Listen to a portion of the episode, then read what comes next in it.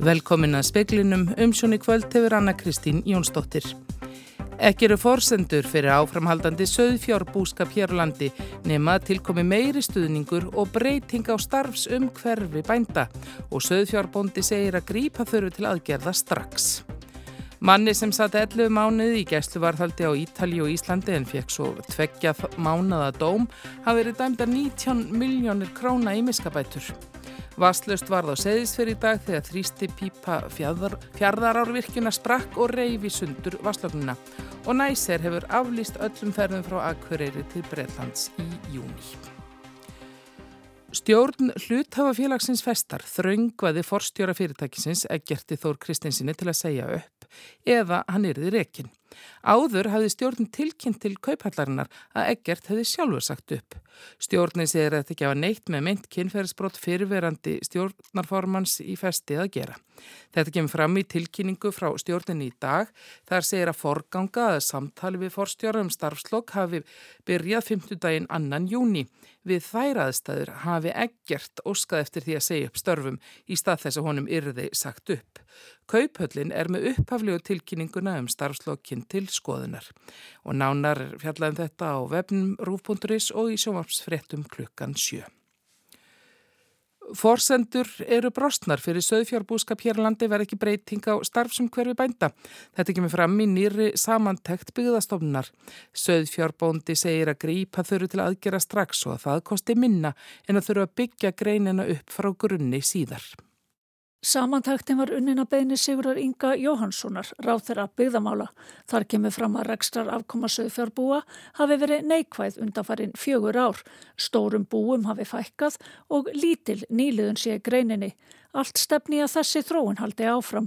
Verðhækkanir og aðfengum hafi mikil áhrif og ef halda í söðfjörbúskap áfram þurfi meiri stuðning hins ofinbera.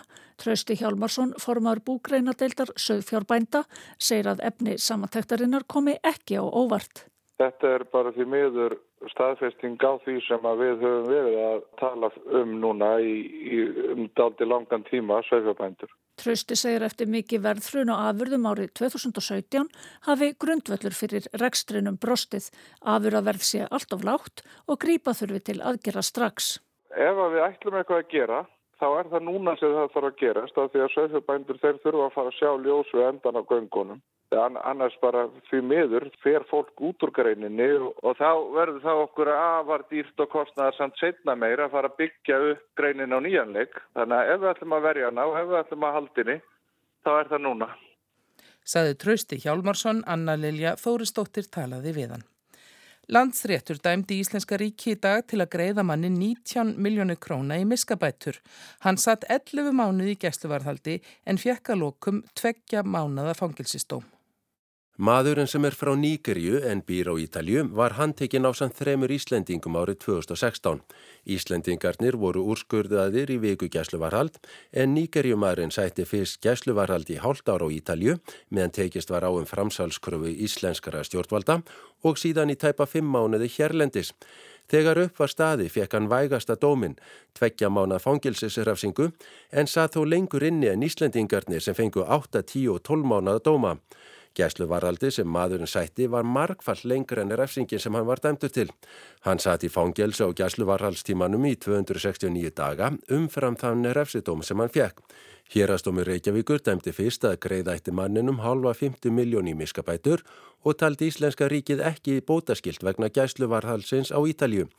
Lansiréttur sagði að Íslensk stjórnvöld væri hins var ábyrg vegna alls tíman sem maðurinn var í gæsluvarhaldi og dæmdi honum 19 miljónir króna í miskabætur. Brynjólf Þór Guðmundsson tók saman. En kostnaður ríkisins vegna þessa málarekstra hleypur á 20 miljóna króna að dómi Braga Björnssonar sem er lögmaður nýgerumannsins. Bragi telur málið einstæmi. Það markur auðvitað ákveðin tímamót vegna þess að það verður að segja er að ég hef ekki fundið annað dæmið um það að, að menn hafi verið eh, sætt gæsluvarhaldi eh, lengur heldur en dæmdaröfsingar. Bræi segir að svo verið sem bæturnar sem hann veru dæmdar miðist um 70.000 krónur á dag. Ég er að vona og mig grunar að þessi dómur markið þau þáttaskila þarna sé kannski komið leiðbennandi regla fyrir sambarileg mál að, að þarna sé komin einhver fjárhæð sem menn geta miða við þegar óskæftu bótum eftir að hafa sætt gæslevarhalda ósíkjum. Sagði Brægi Björnsson. Allar björgunarsveitir á Suðurlandi hafi verið kallaður út vegna slissi í reynisfjöru.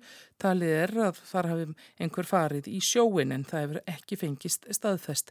Búðir að kalla út björgunarskip og báta auk þessum þyrla landhelgiskeslunar er ný komin á staðin. Útkallið barst um 20 mínútur fyrir 5. Þrýsti pípa fjardarárvirkjuna sprakk í dag og reyfi sundur vasslögnin á seðisferði. Vinsla stöðvaðist í fristi húsi síldarvinslunar og hótel og veitikastæðir voru í stökustu vandræðum. Davíð Kristinsson er hótelstjóri á Öldunni á seðisferði.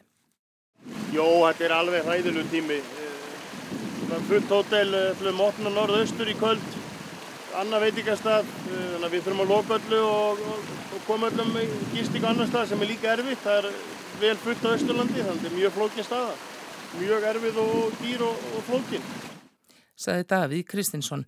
Viðgerð hófst strax í morgun og stóðu vonu til að vatn kæmist á að nýju í kvöld eða nótt Landsréttur staðfesti í dag niðurstöðu hérastóms Reykjavíkur í máli Mareks Mosinskis fyrir að hafa orði valdur að eldsvoða á Bræðaraborgastígi Reykjavík sömarið 2020. Farið var fram á 20 ára fangils yfir Mareki héræði en hann metinn ósakæfur og látt hinn sæta öryggisvistun á viðegandi stopnun. Hann áfriðaði þeim dómi til landsréttar. Þrjú fórust í brunanum en á annan tug einstaklinga krafiðist bóta í málinu fyrir á þriðju tug miljóna. Innlögnum á COVID-göngudel landsbítalans hefur fjölgað undan fann daga. Már Kristjánsson, yfirleiknir á smittsjúkdómadeild spítalans, segir að það sé alltaf erfitt fyrir spítalan þegar tilföllum fjölgar og fleiri leggist inn, mikill viðbúnaðar sé þar til að verja aðra sjúklinga. Alls eru nú nýju inniliggjandi þar af einn á gjörgjastu deild en í þessari viku hefur innleðum sjúklingum á COVID-göngudeildinni fjölgaðum sjö. Að sögn más er þetta fólk á öllum aldri, flestið með undirlikjandi sjúkdóma eða fólk sem stendur höllum fæti heilsufarslega. Nú greinast á melli 150 til 200 einstaklingar daglega. Már telur að aukning smita hér á landi sé vegna komu fólks erlendis frá en einning beiti mun færi vörnum eins og að bera andlitskrími og spritta hendur. Óvissu þátturinn sé hins vegar mótefnasvar meðal þorra fólks. Hversu lengi mótefnin séu verjandi og hvort því farið að vatna undan ónæmisvarinu hjá þeim sem smituðust áður. Hann segir að það sé alltaf íþingjandi fyrir spítalan þegar innlegnum fjölki og smit séu að greinast inn á deildum spítalans. Þar séu margir viðkvæmir einstaklingar sem þurfið að verja og það sé áskorun í hvert og eitt sinn sem einhverju lagðurinn á COVID-gungudildina. Urður Örlugstóttir tók saman. Næsir aflýst í dag öllu fyrirhugða áallanuflugi sínu millir Akureyrar og Breitlands í júni. Mikil óvissa var hjá farþegum á Akureyrar flugvelli í morgun þegar ljóst var það ekki yrði flóið beint þaðan til Lunduna. Í stað þess var flóið til Keflavíkur og farþegum útvegað flug þaðan. Mis mikil ánægja var með þá löst. Eins og staðan núna þurfum við búin að missa af einu ef við komumst í flug núna sögur og komumst til London og drýfum okkur og náum sérstaklega setna fluginu en ef að það verður eitthvað meiri senkun þá missum við tveimur flugum bara í dag. Og myndið þið segja að næs er verið að standa þetta nafni hér í dag? Nei. það er bara hreint nei. Þetta er fyrsta og líklegast eina skipti sem við munum gera við skipti við þetta fyrirtæki. Uh, þú ætlaðir að fljúa til London hérna í morgun. Uh, hvað klikkaði? Um, þetta er eitthvað, ég kenni englendingum alfarið um. Þetta er eitthvað vesen þeirra megin, ekki hjá næsir. En hefur fengist laust í málunni? Já, ég er bara að fara núna, bara annan flugveld skiptir mig engamáli. Og en það sami áfengastæðir eða hvað? Já, og svo fleiri, þannig að þetta er bara geggja, þetta er bara geggja laust, bara ekkert stress. Þetta hafði engin sérstök áhrif á þitt ferðarlag? Nei, bara fleiri kristaldósir hér heldur en annar staðar. Sagði Hekla Rán Arnaldsdóttir, Amanda Guðrún Bjarnadóttir, rætti við hanna, Elmar Frey Arnaldsson og heiðdísi Östfjörð Óladóttur. Nú er skilt að tilkynna um apabólu ef hún greinist. Tveir menn hafa greinst með hana hér og er í einan grunninn beðið er staðfestingar á greiningunni. Sóttvarnalegnir hefur lagt áhersla á fræðslu og upplýsingagjöf til að lámarka útbreyðslu veirunar hér. Ekki er talin þörfu að grípa til ofinberra ráðstafana, kvorki samfélagslegra takmarkana nýja skimunar. En apabóla hefur lengi fundist í vestur og miðafríku í að minnstakosti hálfa öld. Afbreyði sem nú verður helst vart veldur oftast vægum veikindum. Vilhjálmur Svansson, dýralegnir og veirufræðingur starfa hjá tilrunastöð Háskóli Íslands í meinafræði að keldum. Ababóla tilherir fjölskyldu POX-víríti sem er eh, veirufjölskyldunar sem er afar stór fjölskylda og að mjög, öllu líkjum mjög gamlum veirum. Þetta eru stæðstu veirur sem við e, þekkjum að smita, smita e, spendir allavega og fuggla og þetta eru frekmur hargerðar veirur og mjög, mjög flóknar. Það eru með stórt erðaefni tvíþátt að djena sem skrá fyrir að minnstakosti hundrað genum. Þannig að þetta er svona miklu flóknar í veiru heldur en margar aðrar sem við erum að fástu við. Apabólan er skild kúabólu og bólu sótt en hefur ekkert með hlaupabóla að gera, segir Vilhjálmur. En þessi fjölskylda er, er bæði í, sé, í ryggdýrum og, og lindýrum og undir fjölskyldu skiptist niður í fjölskylduna undir fjölskylduna sem smittar hryggdýrin og, og svo aðra sem, sem lindýrin. Þannig að það bendir til að þetta sé mjög gamalt. Og síðan höfum við margar ættkvíslir innan til dæmis eh, þessar undir fjölskyldu sem, sem smittar hryggdýr. Og þar höfum við orthopox sem þessi abaveira og, og, og gamla bólusóttarveiran og kúabólan til dæmis tilheyra Það eru allan mjög eh, náskildar þessar veirur. Og svo hefur við parapox, þar hefur við, við erum með til dæmis síkingu í söðfíð sem heitir orf sem er parapox veira. Og svo hefur við súipox og avipox og leprapox og, og, og svo víðar. Sem sé vörd við veirusíkingu í einna eittkvíslinni veitir ekki vörd gegn veirusíkingu í, í hinni eittkvíslinni en innan eittkvíslanina er er sé krossónæmi. Og þessar veirur þær, þær, þær kvata yfirleitt til mjög góðs ónæmissvars. E, bæði frumumbundins og versabundins ónæmissvars sem gerir það verkum að, að menn hafa notað þessar veirur og er að nota þær sem, sem veiru ferjur fyrir að, aðra, aðra pestir af því þær kvata svo gott ónæmissvar Og það kveikja sem sagt svo vel á ónæmiskerfinu að það ræsist vel, segir Vilhelmur, og fær líka gott minni.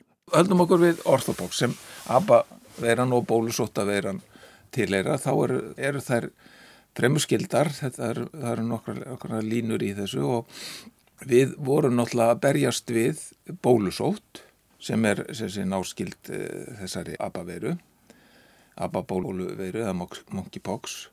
Henni var útrýmt 1977 þá taldum við okkur að vera búin að útrýma henni með sammeilu átæki allra landa í heiminum þar sem við gengum í það að frumkvæði rúsa faktist 1965 og var það ákveða að bólusetja og reyna að út, útrýma eh, bólusótt í heimsbyðinni því að bólusótt var náttúrulega alveg gríðarlega alvarlegur sjúkdómur við þekkjum það Þetta er gammal sjúkdómur af minst 3000 ára gömul síking og ábygglega eldri. Það menna að sé merkjum bólusótt á egífsku múmium og svo verist hún hafa bara breyst út eh, mögulega frá miðausturlöndum en, en kannski hefur hún bara verið víðar, skilur. Og það voru tvö afbríða af henni. Varjála mæn, mænur og mínur uh, og mínur allir svona 1% dauða en hinn mæjur allir 20 til 30% döða í fólki í, í, í smitt, óbólusettum einstaklingum. Þannig að þetta var gríðarlega alvarlegu sjúkdómur og við þekkjum það til dæmis þegar stóra bólan kom hérna 1707-1709 þá, þá fór líklega einn fjórði, einn fymti af íslensku þjóðinni úr, úr bólusótt. Síðustu tilfelli bólusóttar voru á 8. áratug síðustu aldar. Árið 1977 lísti alþjóða heilbriðismálastofni því yfir að henni hefði verið útrýmt. Flestar þjóðir þær hætta bólusetja upp úr 1980 eða 80-90 þá, þá erum enn að hætta þessu. og svo kannski einhverju einstakun tilfellum hafa menn eh, verið að bólusetja einhver ákveðna hópa sem kannski rannsakendur eða, eða hermenna sem menn að vera hrættur um að út af síklavapna hernaði einhverjum og, og þar frambyttu göttunum og það, það er til eh, bólefni spyrðir, það, það var mörg lönd sem kom sér upp eh, byrðum af bólefni eftir hérna 11. september 2001 En samt, heilt yfir, þá eru árgangarnir þarna eftir 1980 eh, óbólusettir. Bólusetningin hún eh, veitti vend eh, mögulega til lengri tíma en allavega en í fræðanu þá tala menn kannski um fimm ár og svo þurfa endur bólusetti en, en öruglega er þetta miklu lengri, lengri vörð. Því að það sést núna með hérna ababóluna í þeim tilfellum í Afriku þar sem ababólan hefur verið að, að dúka upp að uh, þetta er aðalega fólk undir ferdugu sem sé óbólusett fólk sem hefur verið að, verið að smita síður þeir sem hafa verið bólusettir. Aðspurður hvort nú séu meiri bregðaði en áður að veirur flakja millir tegunda og stökku úr dýrum í menn, segir Vilhjálmur að greiningaraðferðið séu orðna miklu betri en áður var, meira vitað um hvað sé þarna úti. En í veiru fræðunum teljum en þó að þeir þekk ekki nema kannski einn hundraðasta af öllum mögulegum veirum. Abba bólusóttar veiran er náttúrulega bara típisk súna. Súna er sem sé smittefni sem best úr dýrum í menn. Hún hefur, þetta, þetta eru tveir stopnar verist vera þarna í Afriku, í Miðafriku, Sær og, og þar og kring. Og svo í vesturafriski stopni sem verist vera þessi sem svona eftir mínum upplýsingum að vera sá sem er, er, er að dreifa sér núna. Og, og þetta hafa bara verið svona einstaka faraldar. Við uppgötum þess að veru Kaupmannöfn 1958 með í resusöpum í tilhörnastöðu ég held að það hafi verið jafnvel bara bein innflutningur eða hvort það var fluttinn einhver, einhver dýr sem komst í nákvæmni við þessa, þessa verur. Það var nú fyrsta sinn sem við uppgötuðum þær og fyrstu tilfellin sáum við uppur 1970 í mönnum, ég held að það verið batni í, í Afríku þessum en voru náttúrulega bara að leita bólusútt uh, og, og, og sá að þetta var eitthvað annað. En síðan hafi þetta bara verið svona litlir svona lillir í gæsalöfum faraldrar í Afríku og einstakarsinnum hefur þetta borist út fyrir Afríku. Þessi tveir stopnar af veirunu þeir virðast vera misalvarlegir, sá miða afríski er, það er, það er miskilst að það sé alveg upp undir 10% döði, ekki nema 1% í þessari vestur af, afríska afbreyðinu. En nótabenni það er þá á þessum svæðum þar sem heilbyrjusþjónusta er er mjög takmörguð og, og kannski léleg. En þessar fregnir sem hafa verið að berast núna af útbreyðslu og, og núna bara greining hér landis, er það merkjum það að það gæti verið faraldur í uppsiklingum? Þetta verður nú ábygglega ekki neitt sko, ekki stórspringja, það, það verður kannski eitthvað svona uh, dormandi eitthvað, svona... Uh, Það er þessi anskotans þvælingur á fólki fram og tilbaka og það er nú kannski það sem eru að gerast núna að fólk er að koma, hefur einhver staðar hist allstaðar að og svo ferða, ferða frá þeim stað það sem smitið hefur og, og dreifir þessu og dreifir þessu til, til annar þetta verðist nú einhvern veginn vera svona en hún er ekki verðist ekki vera neitt stórkorslega smittandi og það þarf nána snertingu þetta getur verið öndun að fara smitt, þetta getur verið snerti eða gegnum sár og, og vessa og, og núna erum við að tala um, um svona, sem, þetta sem nánast kynnsjúkdóm eða, eða mögulega við kynmög, að það getur smittast með kynmög, það hafði menn ekki, það voru svona vísbendingar um það í Afrika, þetta geti verið reyndin, en þetta virðist eh, allavega að vera, vera tilfelli núna. Þetta er kannski ekki mjög smittandi, þetta það verist verið að minna smittandi þetta vesturafriska afbríði líka. En á, á móti kemur að þetta er alltaf hargerð vera þannig að hún er ekki alveg næm fyrir til og með þessi spritti og best er náttúrulega bara að vera með gott hreinlæti að maður er einhver grunum, það þó sér vel um hendunar og, og þar frambyrtu göttunum og, og svo í þurkuðu, uppþurkuðu ástandi þá getur hún þá getur hún haldið smittæfi ansi lengi sem sé í svona skurfum af bólum og það var nú það sem nýttu sér, kýmverjarnir nýttu sér það til dæmis, tóku bara svona gamlar skurfur og gemdu í fleiri, fleiri mánuði og notuðu svo til þess að, að bólusittja með. Mér sýnist þetta náttúrulega að vera svolítið svona skólabókadæmi um það sem við verðum að tala um, okkur er að fjölga svo mikið og við erum að leita inn á ný svæði, erum að komast í snertingu of, oftar en ella við veirur í dýrum sem við erum kannski ekki öllu jöfnu í námönda við og síðan af því okkur eru fjölgar þá eru fleiri móttækilegir til staðar til þess að taka við þessu og, og færa það áfram. Það er nú ekki alveg vitað hver er höfuð hísill þessar sko apaveiru. Það verðast vera máapar, íkornar, nagdýr, brottkeltir en allavega þetta við tilfellin í Afriku er oft hengd veiðmennu sem er inn í frumskoðunum að leita sér að svo kallega búsmít, fæðu, prótinfæðu dýraríkinu. Sagði Vilhjálmur Svansson dýralæknir.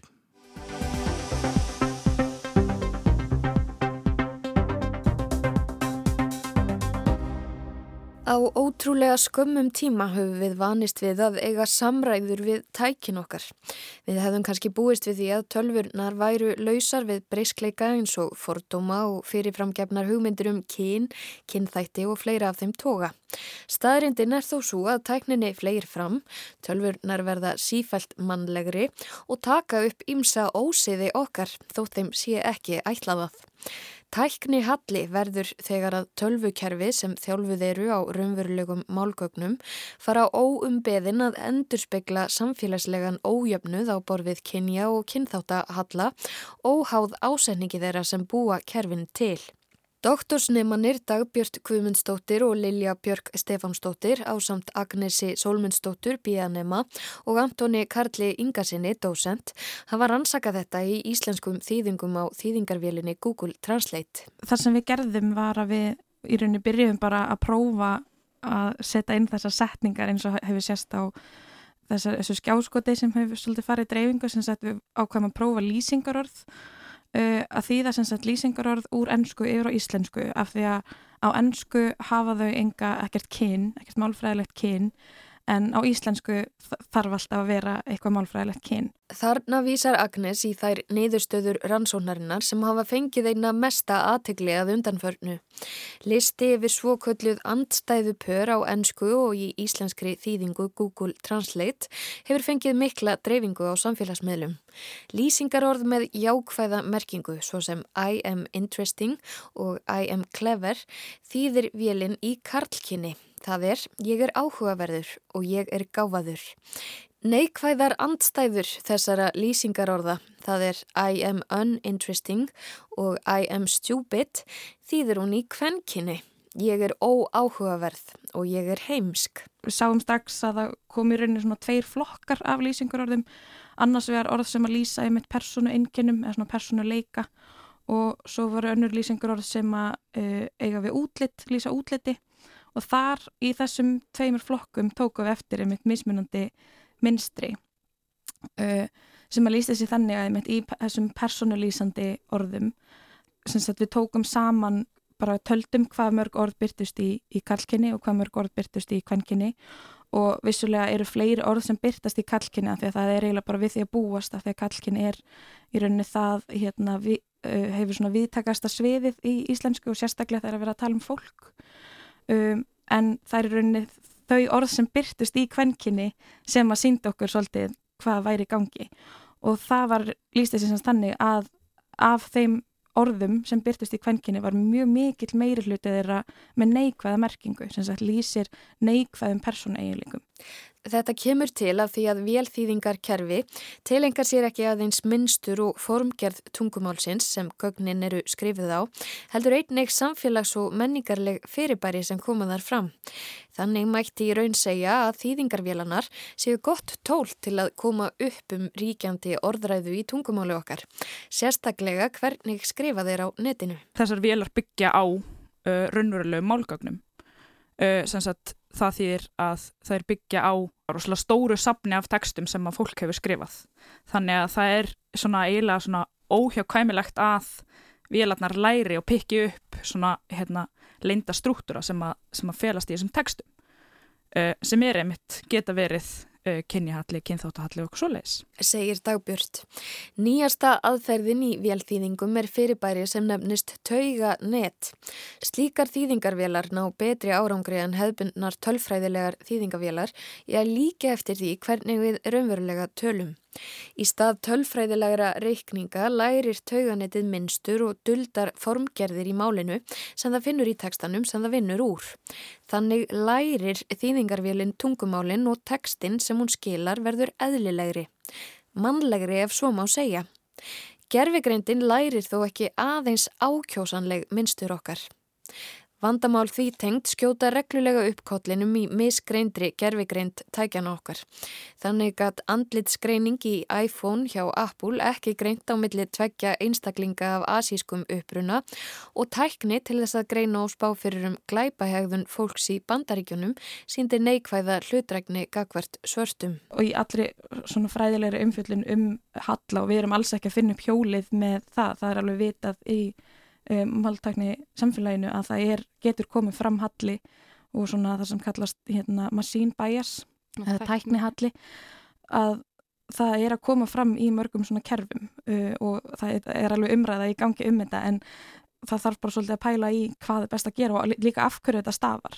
Og þá ferum við svolítið að skoða hvaðan gögnin er að koma sem eru nótið til að þjálfa þessi kerfi það hefur í rauninni sínt sig að það er í rauninni ekkert endilega samansammerki af milli þess að vera með stóra málheild og stórgögn og að það séu fjölbreytt, fjölbreyttir tekstar þar inni. Margt er til dæmis sapna saman af hérna, netinu. Mm. Uh, netið er orðið mjög góður vettvangur til að sapna saman bara málheimildum að því að það er almenningur að stöðugt að skrifa og setja inn teksta. En þá þarf náttúrulega að huga að að það eru margir þættir sem að takmarka netnótkuna þarf að skoða félagslega þætti eins og hvað samfélagshópum fólk teilir og hverjir það eru sem að eru virkilega að nota netið og rannsóknir sína einmitt að svona stór hluti notenda svona samfélagsmiðla sem eru sem sagt, þeir sem eru að skrifa þessa taksta inn á netið eru að miklum hluta hvítir, hvað hvítir vestrænir, ungir karlmenn. Ungir karlmenn, já. Já, það er rosalega þrengt sjónarhótt sem er mjög ríkjandi í þessum málheldum. Bara eitt dæmi til dæmis var rannsókn sem síndi fram á það að þeir sem skrifa greinarinn á Wikipedia að séu einungis 8-15% af þeim eru kvennkins. Þannig að og, og Wikipedia er náttúrulega auðvitað mjög góður vettvangur til að sapna saman tekstum frá raunverulegu fólki. Google Translate er í dag mest notaða vélþýðingarkerfið fyrir íslensku og að öllum líkindum það verkfæri sem er mest notað til að búa til tölvugerðan íslenskan teksta. Agnes segir að þetta geti haft í för með sér að tæknin viðhaldi og íti undir ójöfnuð þvert á samtímalegar framfarir. Skiptar skoðanir eru um hvernig skuli bregðast við og hvert þess sé þörf. Eitt hluti við að bregðast við þessu gæti verið einmitt bara að skoða gögnin meira, leggja meira áherslu á hvaða gögnin verða að nota mm -hmm. til að mhm. þjálfa þessi kerfi frekar en að breyta kerfunum sjálfum að því að kerfin eru alveg góð það er svona eitt sem hefur verið í umræðinni innan fræðana til dæmis að hvert að þetta er markvist þá að sapna tekstum markvist úr fjölbreyttari áttum frá fjölbreyttara fólki mm. og það hefur syngt sig að það gæti svona jafnað vogaskjálanar eitthvað já og það eru alls konar aðferðir sem hafa verið rættar til þess að laga þetta en þetta er náttúrulega líka bara er ekkit allir sammála Nei. um hvort og hvernig eigi að laga og, en við viljum allavega meina að þetta sé eitthvað sem þarf að, að vera meðvitaður um og við náttúrulega munum halda áfram að rannsaka svona og benda á þetta og það náttúrulega skiptir mestu móli. Við allan að gerðum þessa rannsók bara til þess að sína fram á að þetta væri til staðar. Það er bara fyrsta skrefið og mjög mikilvægt skref er að verða meðvitið um þetta. Það verður einhvern veginn allavega að láta notendur vita af þessu og, og svo er bara spurning hvernig, hvernig fólk vil bregðast við það því það er auðvitað mjög flókið að bregðast við þessu. Sagði Lilja Björg Stefánsdóttir, Hafdís Helga Helgadóttir talaði hanna og Agnesi Solmundsdóttir og Dagbjörtu Guðmundsdóttir. Veðurhorfur á landinu til miðnætti sannað kvöld, það dregur úr vindi í kvöld og nótt, norðlagar á morgun og víða væta norðan og austalands en bjart með köplum á Suðurlandi. Fremur hlýtt fyrir sunnan alltaf 20 stig siðst en mun svalara fyrir norðan. Tæknumæður í kvöld var Magnús Þorstin. Magnússon og fleiri er ekki speiklunum þessa vikuna. Veriði sæl.